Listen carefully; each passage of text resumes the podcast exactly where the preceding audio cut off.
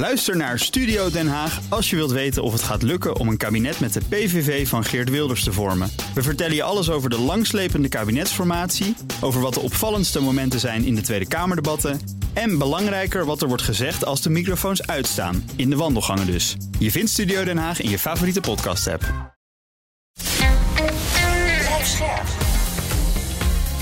BNR Nieuwsradio. Napleiten. Wouter Laumans en Christian Vlokstra. Uh, want in die taxichauffeur, uh, daar ontstaat eigenlijk al een hele discussie. En daar doet hij zich al heel anders voor dan hij eigenlijk is. Maar hij heeft in dit, tegen die taxi gezegd dat hij een zoon van een sheik was. en hij heeft zich later ook weer voorgedaan als een grote drugsdealer van een kartel die gezocht werd.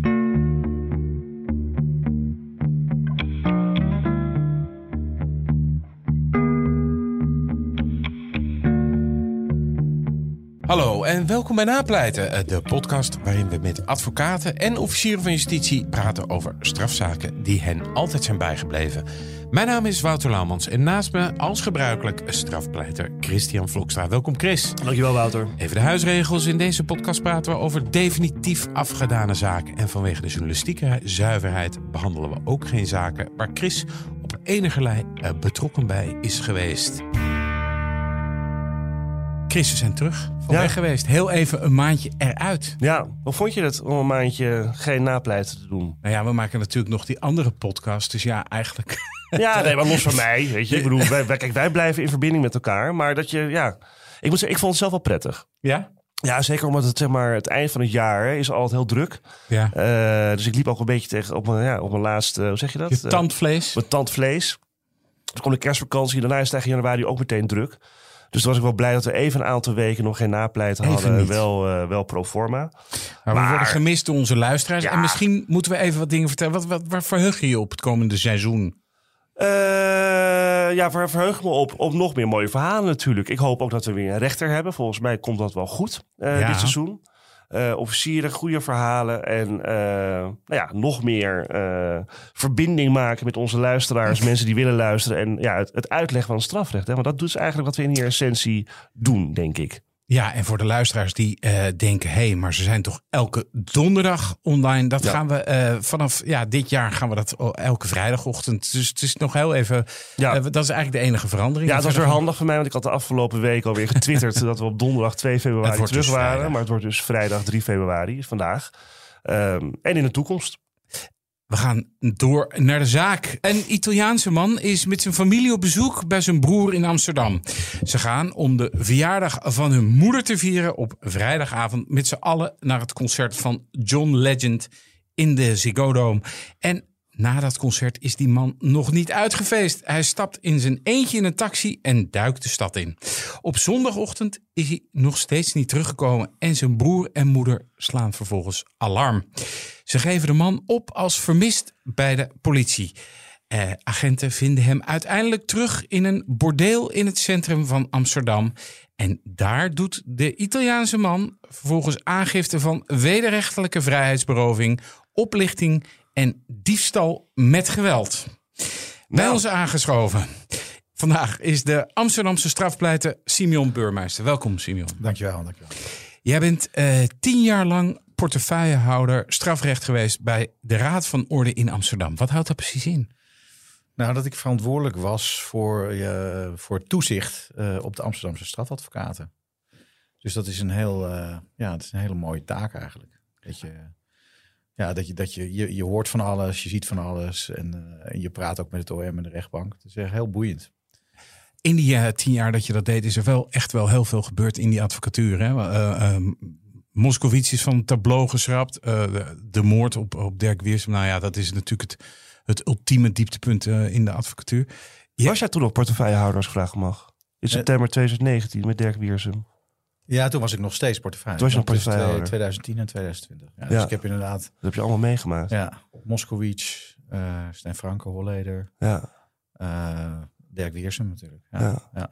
En was dat, dat, dat was neem ik aan ook wel het meest indrukwekkende moment. Ja, absoluut. Ja, ja, ja. ja het was een heel, eh, het was een heel eh, imponerend moment, omdat iedereen ook eh, samenkwam in de rechtbank en, en verdrietig was. En alle eh, vijandigheid die er kan heersen tussen de verschillende groepen, hè, OM, rechtbank en, eh, en advocatuur, die waren ineens weg. En iedereen eh, was, eh, ja, die, die, het kwam ineens heel dichtbij. En het was, eh, Dirk was natuurlijk een hele, ja, hele fijne man en een hele goede advocaat. Dus het, eh, ja, het is, dat was heel zwaar. En jij en Chris, jullie kennen elkaar, hè? Want Ja, jullie vroeger kennen samen elkaar. gewerkt, toch Chris? Ja, kijk, Simon die is, eh, die is van Kleren en Hamer Advocaten in Amsterdam. Ja. Eh, partner al heel lang, althans Mhm. zolang ik hem ken. Ja, daar ben ik natuurlijk begonnen. En het grappige is, weet Als je nog... guppie. Als guppie, als, het grappige is, je weet nog wel, in eh, aflevering 5 hadden wij hier Brigitte Roodveld, weet je nog? Over de zaak van eh, de... Gezinsvoogd van Van de gezinsvoogd. Ja. En eh, die zaak heeft zij samen gedaan met Simeon. Hij wordt daar ook in, in aangehaald. Eh, en toen heb ik ook uitgelegd, weet je, als je nieuw komt bij Klerenhamer, is een vrij groot kantoor, toen al, nu nog groter. Ja. Eh, zeker als John Guppy is dat best wel eventjes eh, moeilijk in het begin. Dan had je Brie, hè, die was, Brigitte, dat was een soort van ja, moeder gans, zeg maar, die je dan onder haar hoede nam.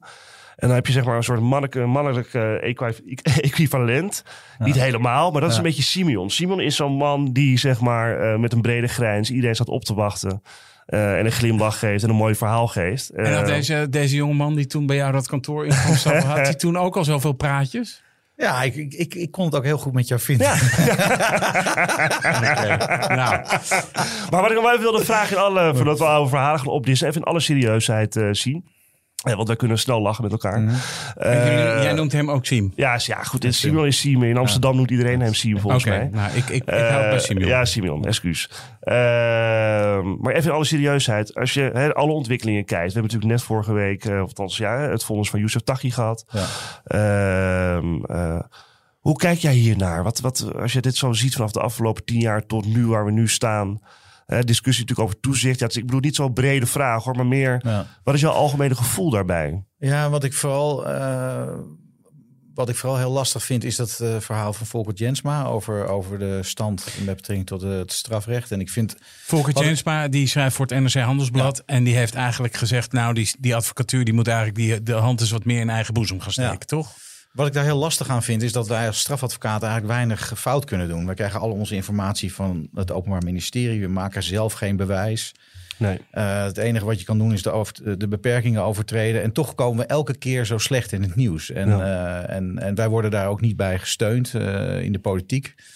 Vroeger werden advocaten gewoon gezien als onderdeel van, hè, van, het hele, van de hele strafprocedure. Maar tegenwoordig hebben we ja, onder bewind van eh, ook wel rechts. eh, ja, ik vind, wordt het voor ons steeds lastiger om onze taken uit te leggen. Ja. En dat vind ik slecht. En als je dan ook ziet dat die negatieve publiciteit over advocatuur ook te maken heeft met dingen waar wij echt helemaal niks mee te maken hebben. Dus een notaris die eh, zijn boekje te buiten gaat. Notaris, geen advocaat.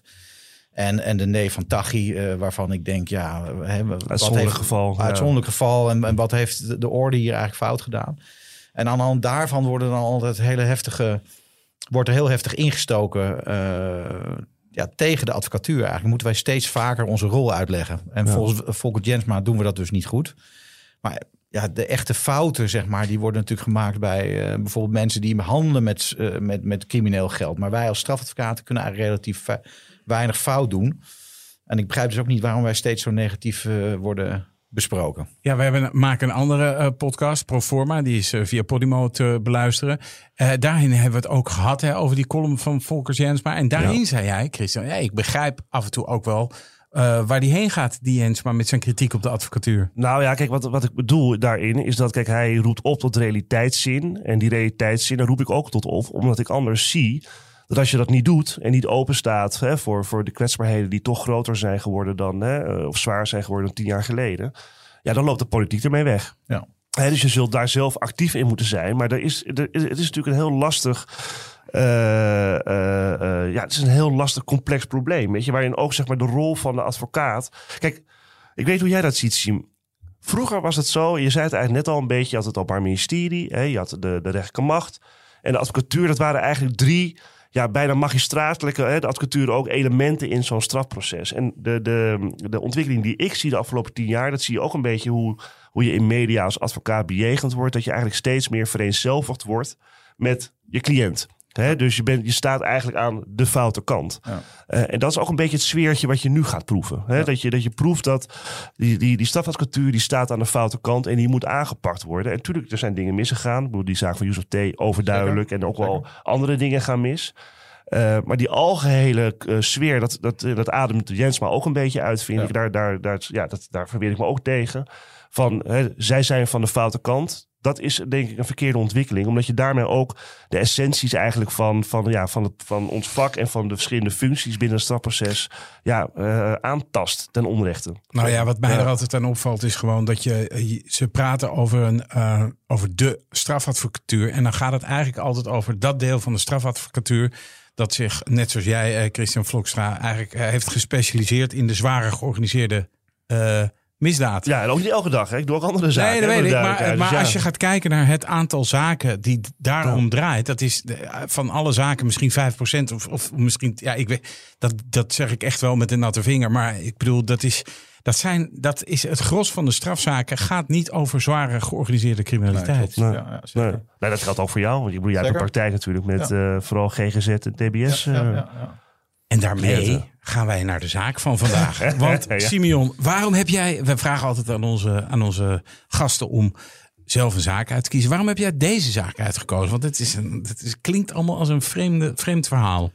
Nou, ik, zat, eh, ik was natuurlijk eh, portefeuillehouder en ik was dus ook, eh, ja, ik ben dus wel echt van de ethiek, zullen we maar zeggen. Dus ik vond het best wel lastig om een goede zaak uit te zoeken, omdat ja, ik vind wel echt dat je toestemming van je cliënt nodig moet hebben om, eh, om, om dit te doen. Nou, de, eh, de, de persoon die ik heb bijgestaan in deze zaak is de bordeelhouder. Ja. En ik heb van hem eh, toestemming gevraagd en gekregen. En hij is een hele leuke Amsterdammer, vol grappen en grollen. En, eh, ja, en dat maakte eigenlijk dat ik deze zaak wel heel geschikt vond. En ik denk ook wel dat het eens een keer iets anders is. eh, eh, Dan heel- de zware kost die we hier soms heel- behandelen. ja, Nou ja, we hebben wel meer heel- bijzondere verhalen gehad. Ik ben blij dat er een beetje bij komt. precies. Ja. nee. Want hoe kwam deze zaak bij jou op je bordje? Nou, ik, heb, eh, ik heb deze gekregen van een ander advocaatkantoor. gespe- Gespecialiseerd in eh, eh, bestuursrecht. En die hebben mij aan, aan, aan deze bordeelhouder gekoppeld. En dat was, ja, dat was, ja, dat blijkt straks wel, hoop ik. Dat was een goede set. Want jij ontmoette de bordeelhouder. Heb jij meer bordeelhouder als eh, cliënt? Eh, nee, nee, nee. Ze zijn- Maar je staat er denk ik niet van te kijken. Want je Nee, hebt nee, natuurlijk wel meer eh, opmerk, mensen met opmerkelijke Precies. Ik heb er geen mening over, zeg maar. Nee, oké. Want oké, en die, die bordeelhouder die kwam bij jou op kantoor. Ik neem aan, dat- was- of zat hij vast? Nee, hij zat niet vast. Hij werd natuurlijk wel verdacht van een ernstig strafbaar feit. Maar hij was, werd opgeroepen om bij de politie te verschijnen en zijn verhaal te doen. En toen, eh, en dat hebben we natuurlijk voorbesproken. En, eh, ja, en toen kwam dit verhaal eruit. Eh, Ja, want wat vertelde hij jou?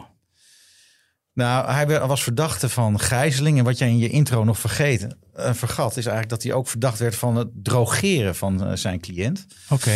En, eh, Van zijn cliënt, van zijn klant. Ja, van zijn klant. Oh ja, ja. Eh, Ja. In dit geval de Italiaanse man. Eh, en ehm, ja, dus het was een heel stevig pakket wat daar lag. En, eh, en kijk, en, en je, als je dan zo'n gesprek hebt met zo iemand, dan, ja, dan, dan ga je daar natuurlijk in mee, want eh, je, bent zijn advocaat. Maar je houdt toch altijd wel nog een voorbehoud.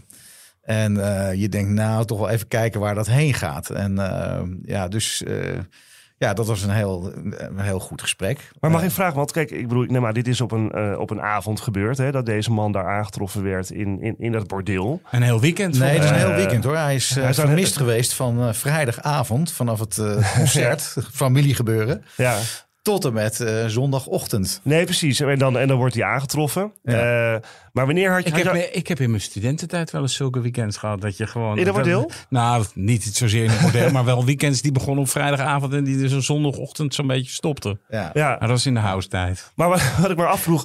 ehm, eh, kijk, jouw cliënt krijgt op een gegeven moment een brief hè, Ja, van de politie. Van u wilt komen, eh, je wordt verdacht van nou, best wel ernstig strafbare feiten. Ja. Wist hij toen meteen waar het überhaupt over ging? Of had hij al door van hier is, hier is een aangifte uit voortgekomen bij deze kwestie? Of Nee, dat wist hij volgens mij nog niet. Nee, dat wist hij nog niet. Het is, wel, het is lang geleden al. Ja. Eh, nee, hij kwam gewoon met de vraag om een bijstand eh, bij een politieverhoor. ja, Nou, toen kreeg ik het hele verhaal verhoor, eh, te horen. bij dat verhoor kreeg je eigenlijk dat ja, verhaal maar toen wist ik natuurlijk niet, want ik ging naar de politie. Ik wist nog niet wat de aangifte inhield. Nee. En ik, ik wist natuurlijk eigenlijk relatief weinig. Nee. Dus ik moest het doen met zijn verhaal. En wat Ja. vertelde hij? Want dit speelt in 2017.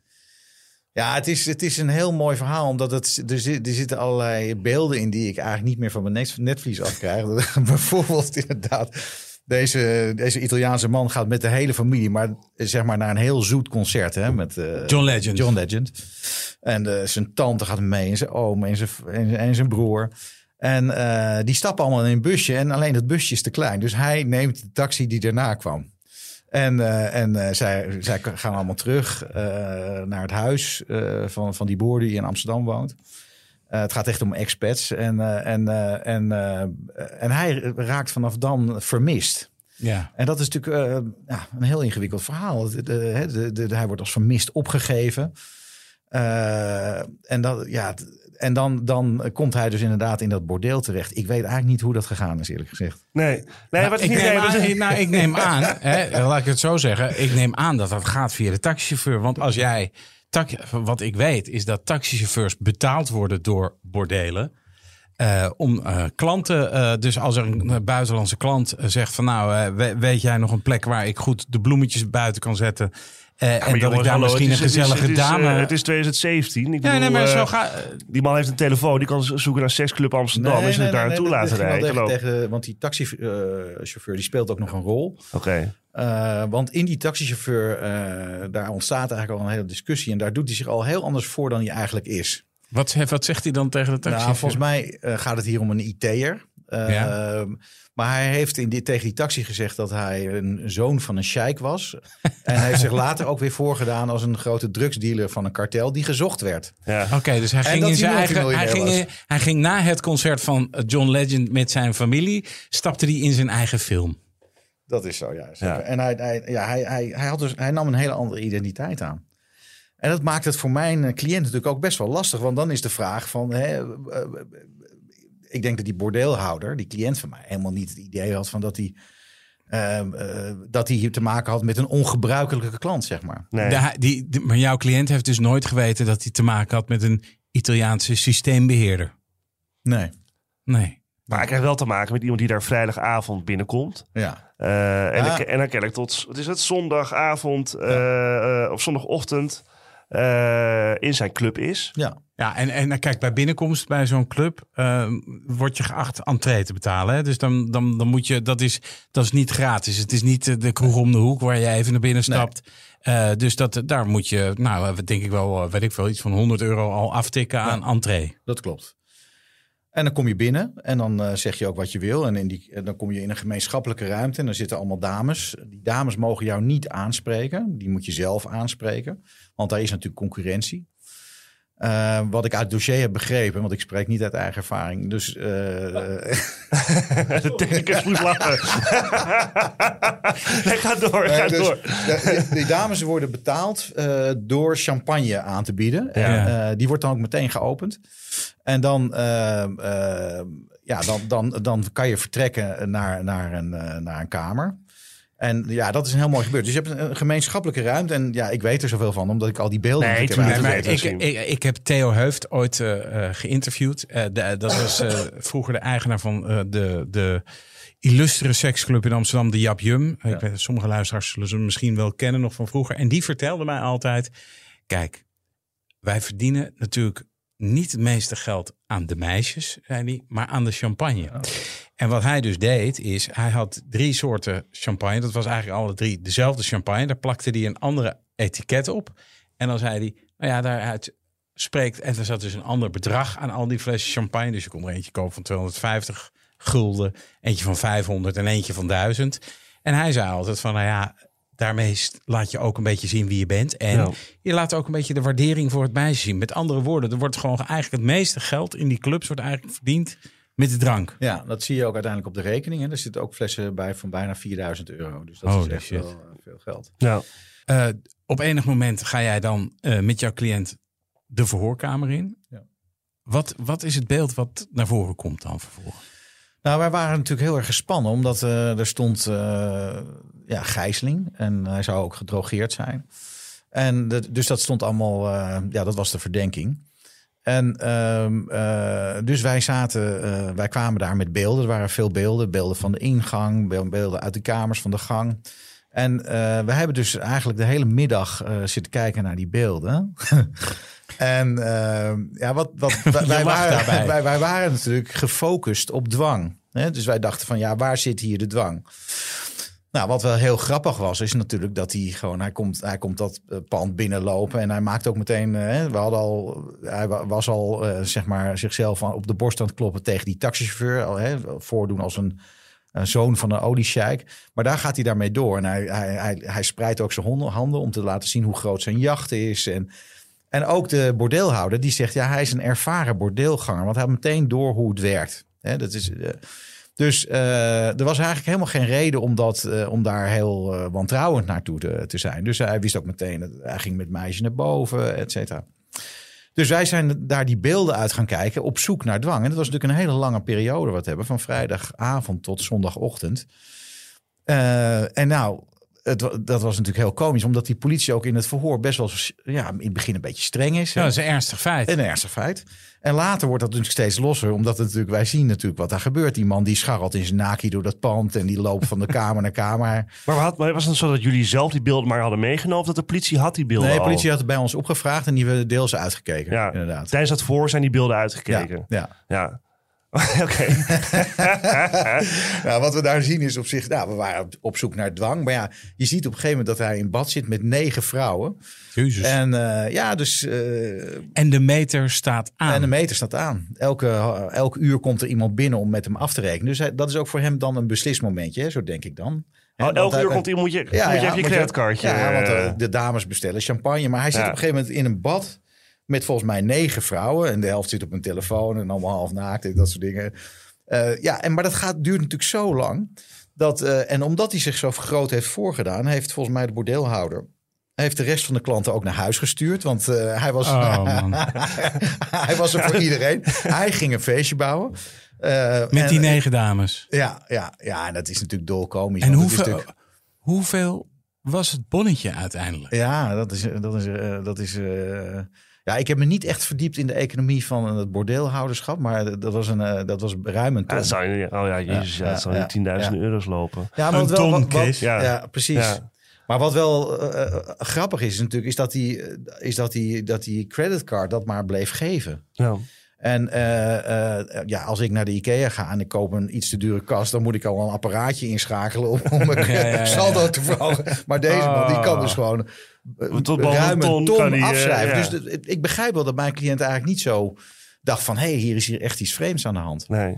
Die had dus, dus, dus die, die Italiaanse man, dus die in dat bordeel van jouw eh, cliënt was, die had dus zijn- creditcard, die, die, die rookte.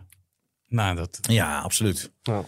Maar hoe, wat eventjes, eh, de- verklaring van deze Italiaan. Ja. Hè, want die wordt dan op, op, eh, op een moment wordt hij gevonden hè, door zijn familie. Ja. Ehm, door de politie, toch? Of- Ja, door de politie, Ja, maar hè, op, op, op initiatief van zijn familie die hem als vermist heeft opgegeven. ja, Ehm, Hoe ging dat eigenlijk? Ja, dat is omdat, die, eh, omdat ze naar de creditcardmaatschappij zijn gegaan. En daar werden natuurlijk grote bedragen afgetikt. Ik dacht altijd dat het anoniem was. Maar blijkbaar, als je genoeg eh, een beetje blijft drammen, dan vertellen ze dus wel waar je bent. Zoals Ja. in dit geval. En dat hebben ze dus verteld aan zijn familie. Ja, dat hebben ze verteld aan, aan zijn familie. En die zijn dus naar die club gegaan. Of met, die hebben, zijn met de politie Nou ja, die hebben natuurlijk eerst als vermist opgegeven. En, eh, en, eh, en, toen, en toen kwam dus de hele entourage. eh, kwam dus naar, kwam hem ophalen. Dus zijn moeder en zijn broer. en hij, hij zat twee dagen al in dat bordeel. En eh, ja, ineens zag hij via de camera, want je ziet overal camera's hangen, dat, dat, eh, dat, dat zijn moeder voor de deur stond. En hij was daar nog in die club aan het rondrennen in zonderbroek. Ja, nee, hij, hij, hij is op een gegeven moment ook door de bordeelhouder ook eh, gemaand om, om wat aan te trekken. Want hij, was, eh, ja, hij, had, hij, had, de tijd van zijn leven. Ja. Zo zag het eruit, hè? Ja, ja, ja. Maar wat ik me afvroeg, wat, wat was zijn dan... Hè, hij doet aangifte, maar waar deed hij dan... Wat, wat was er volgens hem dan gebeurd? Nou, wat, het, wat er is gebeurd. Kijk, hij, hij, hij, hij moet op een gegeven moment... eh, hij- moest die club uit, zeg maar. Want zijn moeder stond voor de deur. En ik denk echt dat, eh, dat toen hij zijn moeder voor het eerst zag... toen dacht hij van, oké... Ja, ik ben terug op aarde. Ik ben terug op aarde, ja. Dit is de, en de hele entourage stond daarbij. Dus politie, et cetera, et cetera. Oh, nou, toen heeft het hij is een zich... film eh, dit. Ja, er zijn ook beelden van. Hij heeft, zich, hij heeft zich laten vallen op de grond. en later heeft hij ook verklaard dat hij, eh, dat hij dus niet meer kon lopen... omdat hij gedrogeerd was en gegijzeld. Dus als een soort van... Ja, dus, dus hij had het ontzettend zwaar. In ieder geval, eh, zoals hij zei. En, en, eh, maar ja, hij moest natuurlijk een verhaal hebben naar zijn moeder. Ja. En, eh, en die moeder die heeft dat ook geloofd. Ja, sommige dingen kun je dan op dat moment beter geloven. En, eh, maar ja, hij moest er wel mee door met dit verhaal. En, het eh, verhaal was, ik ben gedrogeerd. gedrogeerd, gegijzeld en eh, ja, gedwongen. En ze hebben mij gedwongen om twee dagen lang hier mijn creditcard eh, te laten Te roken. Met, al deze, Ja. met Ja. al deze dames. Ja. Wauw. Maar kijk, je moet je wel realiseren dat er zijn heel veel momenten voor hem geweest om, om, om zich terug te trekken. Hè? De, elke keer kreeg hij weer die creditcardmachine voor zijn neus. En op dat moment kon hij steeds weer opnieuw beslissen om door te gaan. En uiteindelijk inderdaad, hij heeft die hele club meegenomen het bad in. Maar heeft hij, ja, dat is, klinkt misschien misschien een hele rare vraag, maar heeft hij dus ook non-stop seks gehad in die club? Ja, dat is wel een interessant weetje. Want ik zat natuurlijk de hele dag met deze bordeelhouder. Ja, ik ben een sensatiebak, dus dat wil ik dan gewoon. Maar de regel schijnt te zijn, hoe meer vrouwen, hoe minder seks. Oké. Ja. En wij hebben dus ook eh, ja, de beelden er niet echt op gescand. Maar het is inderdaad eh, ja, op een hand te tellen wat daar gebeurt. Zeg maar, hij, is, hij, hij, is- hij, hij is volgens mij één keer Ja. klaargekomen. Ja. Maar ja, die fantasie kan je ook uit je hoofd zetten. Dus eh Ja. Verder. Dat Nee, ik heb geen fantasie. Maar ik heb gewoon zoiets. Nou ja, Maar ja. eh, hè, je hebt van die sites waar je dat op kunt zien. Ja. Eh, mensen met negen vrouwen in één bad. En dan Ja. denk je van zo, dat gaat zal van Ja. een jetje gegaan zijn. Ja, zonder het heel plat te maken. Maar ja, goed, hoe ga je ook twee dagen lang 24-7 maar seks hebben? Ja, Was er sprake van drugsgebruik? Nou, dat, kijk, hij is wel een paar keer het pand uit is, eh, geweest. Want daar waren wij natuurlijk heel keen op. Om, dat, om te kijken, kijk, als je gegijzeld wordt, dan kun je het pand niet uitlopen. Maar hij loopt in zijn badje als het pand uit. En hij heeft dan ook weer contact met die taxichauffeur. Hè, want die heeft hem gebracht. Die moest, heeft ook een hele tijd voor de deur gestaan. Dat is ook zo vreemd. Eh enfin, dat was een, eh, ja, wij waren natuurlijk extreem gefocust of, of er drang of dwang in het spel Ja. zat. Dus een gegeven moment zie je hem ook eh, twee flessen champagne over een vrouw heen uitgieten. Maar ja, dat doe je niet als je gedwongen wordt. Dat zijn toch wel echt vrijwillige handelingen. Ja. Is het dat- eigenlijk zo eventjes even... even eh, kijk, bij, bij caféhouders... Hè, als iemand stom dronken zeg maar, aan, eh, aan de bar zit... Ja. Hè, dan wordt er gezegd, je moet, dan mag je eigenlijk niet meer schenken. Ja, dat is opvallend dat je dat zegt. Want dat zou je zeggen. Maar het is inderdaad zo dat... je zou zo- hier zeggen, ja, misschien moet je op Ja, een gegeven nee. moment ingrijpen en zeggen... Ja, Nou, dat- hè, het is wel mooi geweest, Ja, vriend. ja, ja, er waren ook Bij vragen 50 over van de mil. politie. Ja. Er waren ook vragen over de, politie. Maar het was, hij, hij was eigenlijk in alle, vrij rustig. Hij heeft in alle rust ook die beslissingen kunnen nemen. eh, en eh, ja, nou nogmaals, in alle vrijheid heeft hij die beslissingen ook kunnen nemen. En dat waren heel veel beslismomenten. En hij was echt niet... eh, de, de politie is zeg maar ook nog het pand in geweest om met hem te praten. Hè, dus zonder zijn moeder bij, zeg maar zeggen.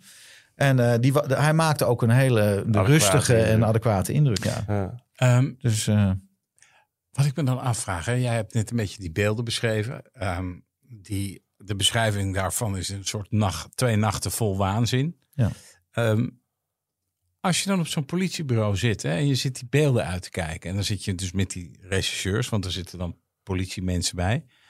Hoe is dan dus, wordt er dan gegrinnikt bij de, Ik snap dat jij misschien wel gaat zitten grinniken. En misschien jouw cliënt ook. Maar gaan die politieagenten, die, gaan die dan, zitten die dan ook een beetje te glimlachen als die be- beelden heel idioot zijn? Ja, nou, kijk, het begon heel streng. En ook als ik, eh, als ik advocaat ben, dan ben ik, eh, dan ben ik ook heel serieus. Eh, en voor mijn cliënt ook. Ja, die zat daar niet voor niks natuurlijk. Dus het begon heel streng. En, Maar die had een seksclub, maar die is dus wel wat gewend, denk ik. dan. Nou, het, het, het is een hele, eh, toch wel redelijk brave en ook vooral hele leuke, gezellige jongen. Ja.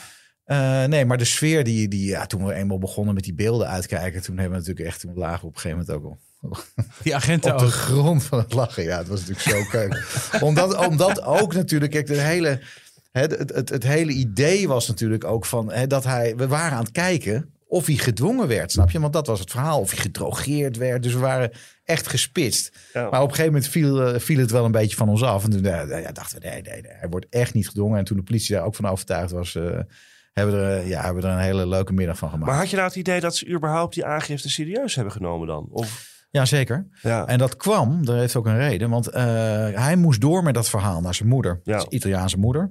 En die was not Eh, amused. Nee, die was zeker not amused. En vooral ook overtuigd van de onschuld, denk ik, van haar, van haar zoon. En, eh, maar hij is dus vervolgens, de volgende stap is dan naar de creditcardmaatschappij en zeggen dat je, dat je bestolen bent eigenlijk. En dat was eigenlijk de aanzet voor de aangifte. Want ik bedoel, als ik hem was geweest, dan had ik nooit aangifte gedaan. Nee, Weet je, creditcard, wetende ja. dat je overal eh, camerabeelden hebt. maar hij wilde Eigenlijk- gewoon onder die bon uit. Hij wilde onder die bon uit en hij moest gewoon door met zijn verhaal. Ja, hij moest natuurlijk door met zijn verhaal richting die creditcardmaatschappij voor zijn Ja. moeder. En die creditcardmaatschappij zegt, ja, is leuk vriend, maar dan moet je aangifte doen. Precies, Ja. dat was de voorwaarde. Dus die aangifte Ja. gedaan. Dat was natuurlijk niet echt verstandig. Nee. En hoe zou hij gedrogeerd zijn? Ja, Want dat, dat- heeft hij natuurlijk ook gezegd. Ja, dat, dat, eh, ja dat, dat was volgens mij het spel dan voor de deur, het drama. Want hij, hij liep ook gewoon naar buiten. En dat heeft de politie ook zo verklaard hè, in het pavé van bevindingen. Maar en toen hij zijn moeder eh, zag, maar toen kreeg hij ineens... eh, PV van bevindingen. Ja, Moet- gewoon moet je proces even- verbaal van bevinding. Hè? Dus die politie die staat daar en die ter plekke. En die, die schrijven gewoon op wat ze, wat ze op dat moment zien. Op dat moment. Dat noemen ze dan een proces verbaal van, eh, van Bevindingen. Oké. Je had zin om het belletje te gebruiken, hè? Nee, een, PV. Een P- nou ja, sorry, we zijn. Maar er zit hier zoveel in, jongens. Er zit Ja. hier zoveel in. Valse aangifte. Ja. eh, een SIPO. Oh, daar komen we vast nee, we komen nog zo niet klaar. we- We zijn oh, niet oh, klaar. oh. Belletje ziet dat het klaar is. Nee, nee, nee. nee. Ehm, goed. Dus eh, wat, wat- dat drogeert. Dus hij heeft gezegd, er is iets. Ja, hij, hij heeft toen, eh, hij heeft toen ook gezegd tegen zijn broer en zijn moeder van ik ben gedrogeerd. Ze hebben iets in mijn, eh, zo heeft hij het ook verklaard. Eh, ze hebben iets in mijn, in mijn drank gedaan. Een hele bekende smoes. Hè? Ja, ja, ja. ja. Een hele bekende smoes van mensen die heel veel geld zijn kwijtgeraakt aan eh, dames van lichte zeden. Ja. In hotelkamers en dat soort dingen. Nou ja, het doet me een beetje denken aan die aflevering met, eh, met Muren. Eh, Johan Muren uit Volendam. Die Canadees, eh, die Canadees toerist, hè, die hier ook helemaal los was gegaan in een seksclub. En later zei dat hij ook gegijzeld was en Oh ja. in elkaar geslagen en alles. Ehm, maar goed, jullie hebben dat verhoor gehad. Ja. Nou, dat ervoor eindigt dat jullie met z'n vieren, twee regisseurs, Simeon en de klant, eh, gierend van het lachen op de grond liggen, om eh, bij wijze van spreken. Eh, Simeon lacht. Het was heel gezellig, ja, Ja. zeker. maar wat is er vervolgens gebeurd? Want ja, dan, dan is zo'n voor klaar en dan? Ja, kijk, en uit de houding van de politie dacht ik ook wel, nou, dit gaat geen zaak worden. Nee. Eh, maar ja, inderdaad, die creditcardmaatschappij die heeft dat als voorwaarde gesteld. En toen, eh, toen is er toch een strafzaak van gemaakt. En die, daar hebben ze ook nog werk van gemaakt ook. Want ik heb dus een PV. En daar staat de aangifte in en, en, en, en eh, ja, eigenlijk alle stukken. Ja. Ja, en uiteindelijk heeft, eh, heeft de officier van justitie besloten om het te seponeren. Ja. Eh, en dat was ook heel fijn, want als je als bordeelhouder iets dergelijks op je kerfstok hebt, dan wordt het heel lastig met vergunningen en zo. Dus ja. er stond wel echt wat op het spel. Want heb jij dan zelf iets actief moeten doen na dat verhoor, zeg maar, om die zaak tot een goed, een goed einde te brengen? Of was het eigenlijk al alles zijn ging Ja, richting dat CPO toe? Ja, kijk, op dat, eh, bij dat verhoor kwamen ook die beelden vrij. Eh, de politie die zag ze toen ook voor het eerst, want hij had ze bij zich. Eh, ja, dus en, ja, toen dacht ik wel. En ik denk dat ik wel toen tussentijds ook nog een brief gestuurd heb. Maar dat is altijd een lastige strategie. Hè? Van laat je het gewoon lopen. en Lopen, probeer dat het uit. erin? ja, Ja. precies. In hoeverre ben je er actief in? Maar uiteindelijk is die zaak geseponeerd. Ja. Ja. Heb jij, want dan is er dus in jullie ogen in elk geval vals, eh, sprake geweest van een valse aangifte. Je, haalde het net ook even aan. Heb jij, heb jij ook gedacht van nou, we gaan ook aangifte doen van het doen van valse aangifte? Of hoe, hoe werkt dat dan? Nou, ik denk dat in dit geval het eigenlijk zo duidelijk was dat, eh, dat, dat mijn cliënt eigenlijk niks fout gedaan had. Eh, kijk, het is een andere wereld. Hè? Ik bedoel, hè, natuurlijk een fles champagne van 4000 euro is vreemd en mensen denken daar van alles bij, dat weet ik zeker. Maar kijk, dat is gewoon hoe het is. En hij wist waar hij aan begon, deze man. Dat, dat staat gewoon keurig op de menukaart van joh, als je deze fles champagne koopt, dan is die 4000 euro. Ja, nou, mijn cliënt heeft ook helemaal heel transparant eh, uitgelegd hoe dat dan precies zit, het hele verdienmodel. Ja, nou, ja, daar was op zich niks op aan te merken eigenlijk. Nee. nee, maar je wou het doelde op... Hè, want deze Italiaanse man heeft aangifte gedaan. Ja. Een valse aangifte gedaan tegen jouw cliënt. Ja. Dus je zou dan ook kunnen zeggen of... Nou weet je, dat, eh, dat, eh, dat, daar gaan we ook nog achteraan. Hebben jullie dat nog overwogen of Nou, niet? Kijk, ik denk op zich, eh, ik denk dat hij nog jarenlang dit verhaal heeft moeten Of feesten en partijen? Als, als zijn moeder er niet bij was, denk ik. Kerstmis, Nee, dus, gaan eh, we dus, weer. eh, ja, want zijn tante en zijn neef en iedereen was daarbij natuurlijk. Want ze gingen natuurlijk voor dat concert. Ja. Oh. Dus eh, ja, nee, dat ik, ik ja, Nou ja, jouw cliënt was te lang blij dat hij, dat hij er blij, gewoon eh, blij, dat hij er vanaf was. Ja. En, eh, ja. Het is wel grappig. Ik heb toen dat eh, natuurlijk zo'n verzoek gedaan om de, om de advocaatkosten terug te krijgen. Daar heb ik nog even, daar heb ik dit heel verhaal echt heel, heel kleurrijk ook nog even neergezet. Dacht ik van dat is het ook hartstikke leuk als je zo'n verzoek krijgt dat er iets grappigs in staat, toch? Ja. Dus, ja, voor de eh, luisteraar is het misschien wel goed hè, op momenten dat, je, dat je iemand bijstaat in een strafzaak. Eh, en er volgt uiteindelijk geen straf of maatregel. Dat kost geld. Hè, of überhaupt, er komt überhaupt geen vervolging, omdat er dus hè, de zaak al vroegtijdig wordt geseponeerd. Dan kun je een verzoek doen aan de, aan de rechtbank eh, om de kosten rechtsbijstand die je hebt gemaakt. Hè, dus dat is eigenlijk de schade die je hebt, eh, die je hebt gekregen in je kosten rechtsbijstand, om die vergoed te krijgen door justitie. Ehm, dus dan moet je zo'n verzoek indienen. Daar heeft Simeon het over. Zo'n verzoek eh, kost rechtsbijstand. En dan moet je soms dan nog een keer toelichten waarom je zeg maar, hè, de kosten hebt gemaakt en de uren hebt gemaakt als advocaat. eh, die je gemaakt hebt. Het zijn natuurlijk hele saaie procedures. Hè, want het gaat dan over waarom heeft u daar anderhalf uur gesproken. Waarom heeft u daar twee uur dossierstudie gedaan. Dus jij dacht, ik ga dat eventjes, die procedure even opleuken met dit, Precies. met dit verhaal. Ik heb er een mooi verhaal van gemaakt. En het is Nee, toegewezen, neem ik aan. Ja, het is toegewezen. Hoe kijk jij nou terug op deze zaak, eh, Simeon? ja, het is, Het is echt wel apart. Dit kom je, dit kom je niet vaak tegen. Zo. Ja, nee, dat is natuurlijk fantastisch. Ja. Wat er heel leuk aan is, is natuurlijk dat wij allemaal weten hoe het zit. En dat je dan ziet hoe zo'n procedure zeg maar, daaromheen gewikkeld wordt. Snap je? Met de aangifte, dat hij dat aandikt, dat hij gedrogeerd is, terwijl dat natuurlijk helemaal niet waar is. En dat wij dan met z'n allen op dat politiebureau naar die beelden zitten te kijken. en ja, dat is gewoon echt heel erg vermakelijk. Ja. Ja. Ja.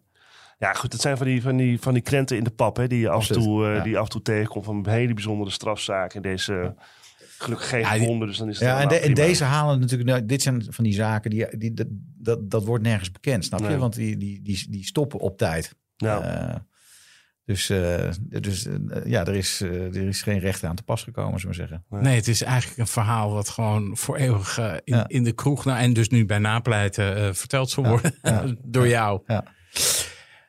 Simeon Beurmeister, bedankt voor je komst naar de studio en voor dit, voor dit mooie verhaal. Graag gedaan.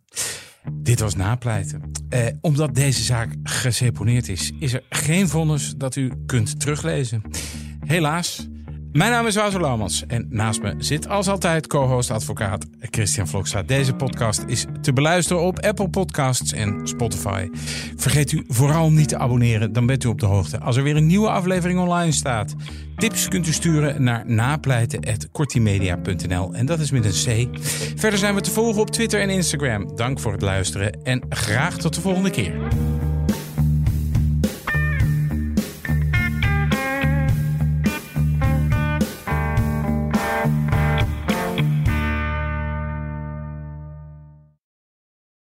Ook Bas van Werven vind je in de BNR-app. Ja, je kunt live naar mij en Iwan luisteren tijdens de ochtendspits. Je krijgt een melding van Breaking News. En niet alleen onze podcast Ochtendnieuws, maar alle BNR-podcasts vind je in de app. Download nu de gratis BNR-app en blijf scherp.